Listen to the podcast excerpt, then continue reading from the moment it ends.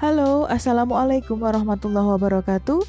Selamat pagi anak-anakku semua, kelas 10 IPS 3 Semoga kita semua selalu sehat dan bahagia ya. Berjumpa lagi dalam podcast Sosiologi.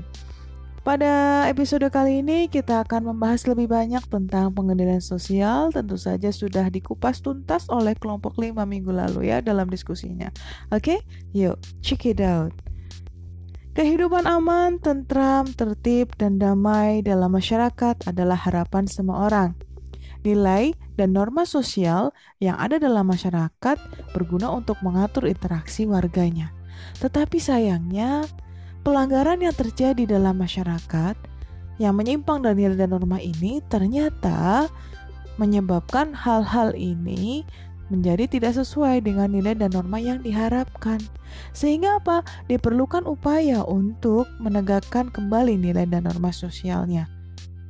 Tujuannya apa? Menciptakan ketertiban sosial atau social order.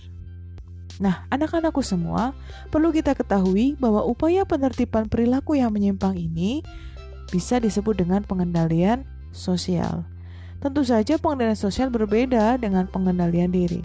Kalau pengendalian diri berfokus pada kontrol diri kita sendiri, kalau pengendalian sosial berfokus pada masyarakat. Bagaimana mengendalikan masyarakat atau kelompok masyarakat yang menyimpang.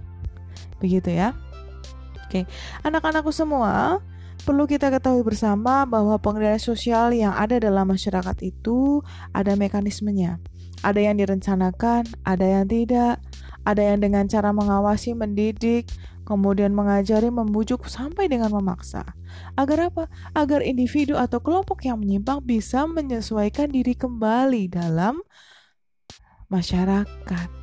Ya, agar sesuai dengan nilai dan norma dalam masyarakat. Nah, anak-anakku semua, pengendalian sosial ini sangat penting. Kenapa?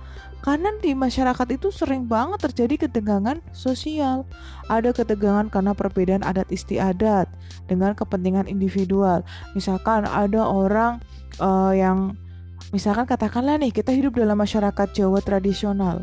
Kalau misalkan upacara tujuh bulan itu harus begini begini begini begini menurut masyarakat pada umumnya begitu. Tapi karena ada seorang uh, maksudnya sebuah keluarga yang modern dia maunya simpel aja. Nah, di masyarakat dianggap menyimpang. Kenapa? Hal ini tidak sesuai dengan nilai dan norma. Sehingga harus diajari diluruskan diri kembali agar tidak merupakan akar budayanya.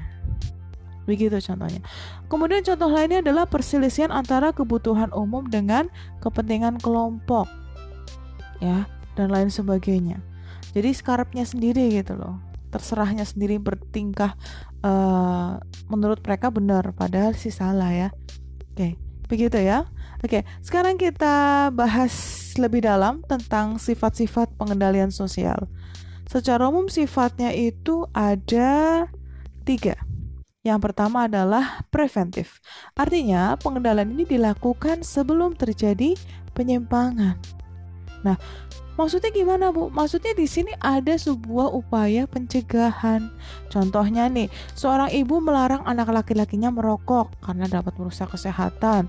Kemudian adanya penyuluhan-penyuluhan narkoba di sekolah-sekolah agar siswa itu tidak terjerumus dalam lubang narkoba.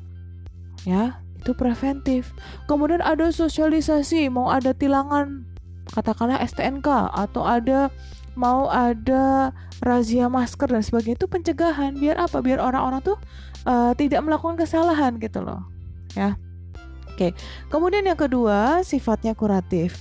Artinya, pengendalian sosial yang dilakukan pada saat terjadi penyimpangan sosial tersebut. Pada saat itu, Contohnya nih, ketika ibu sedang ngajar, kemudian ada salah satu dari kalian yang sibuk nyanyi-nyanyi, katanya mau ikut audisi, tapi kan tidak pada tempat dan waktunya kan? Sehingga ibu menegur teman kalian itu. Nah, contoh lagi, ibu menegur uh, dan menasehati teman kalian yang ketika ulangan nyontek jawabannya plek-ketiplek gitu loh. Itu contoh dari kuratif. Jadi pada saat penyimpangan itu terjadi. Kemudian sifat represif artinya apa? Pengendalian sosial yang dilakukan setelah penyimpangan itu terjadi atau tujuannya mengembalikan keserasian yang ada dalam masyarakat setelah seseorang melakukan penyimpangan. penyimpangan maaf maksudnya. Oke, contohnya adalah seorang guru memberi tambahan pekerjaan rumah dua kali lipat ketika ada siswanya tidak mengerjakan rumah yang ditugaskan padanya berminggu-minggu lalu. Ini kan parah banget ya, berminggu-minggu lalu. Nah, jenis-jenis pengendalian sosial lainnya yang harus kita tahu ada gosip atau desas-desus gitu ya. Misalkan, eh si Siti kok pulangnya malam terus ya? Dia kerjanya apa sih? Ternyata dia adalah seorang teller bank. Kalau teller itu kan kalau akhir bulan pulangnya pada malam-malam. Nah, karena ketidaktahuan masyarakat, mereka desas-desus katanya jadi kupu-kupu malam nih, padahal tidak. Ya, dia hanya jadi teller bank. Nah, karena itu akhirnya si Siti bisa mengantisipasi pulang sebelum jam 9 misalkan gitu ya, nggak sampai pagi. Kemudian ada teguran, ada pendidikan, agama, dan hukuman. Kalau lembaganya ada polisi, pengadilan, adat, dan tokoh masyarakat. Contoh lain nih, misalkan uh, kasus yang sedang hits nih, ada pedagang di Malioboro yang dia mematok harga tinggi untuk harga makanan pecel lele. Nah, kemudian Satpol PP dan dinas-dinas terkait melakukan sidak. Nah, menurut kalian ini termasuk pengendalian sosial apa sih? Preventif, represif, atau kuratif? Menurut kalian? Ya, betul.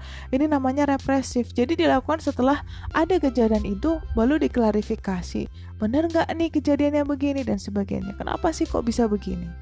Oke, begitu ya anak-anak. Sampai sini ada yang ingin ditanyakan?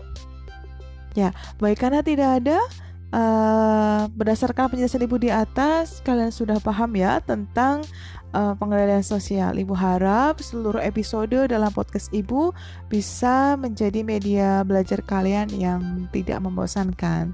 Terima kasih atas perhatiannya. Tetap sehat, tetap semangat, dan sampai jumpa di podcast-podcast sosiologi berikutnya. Wassalamualaikum warahmatullahi wabarakatuh.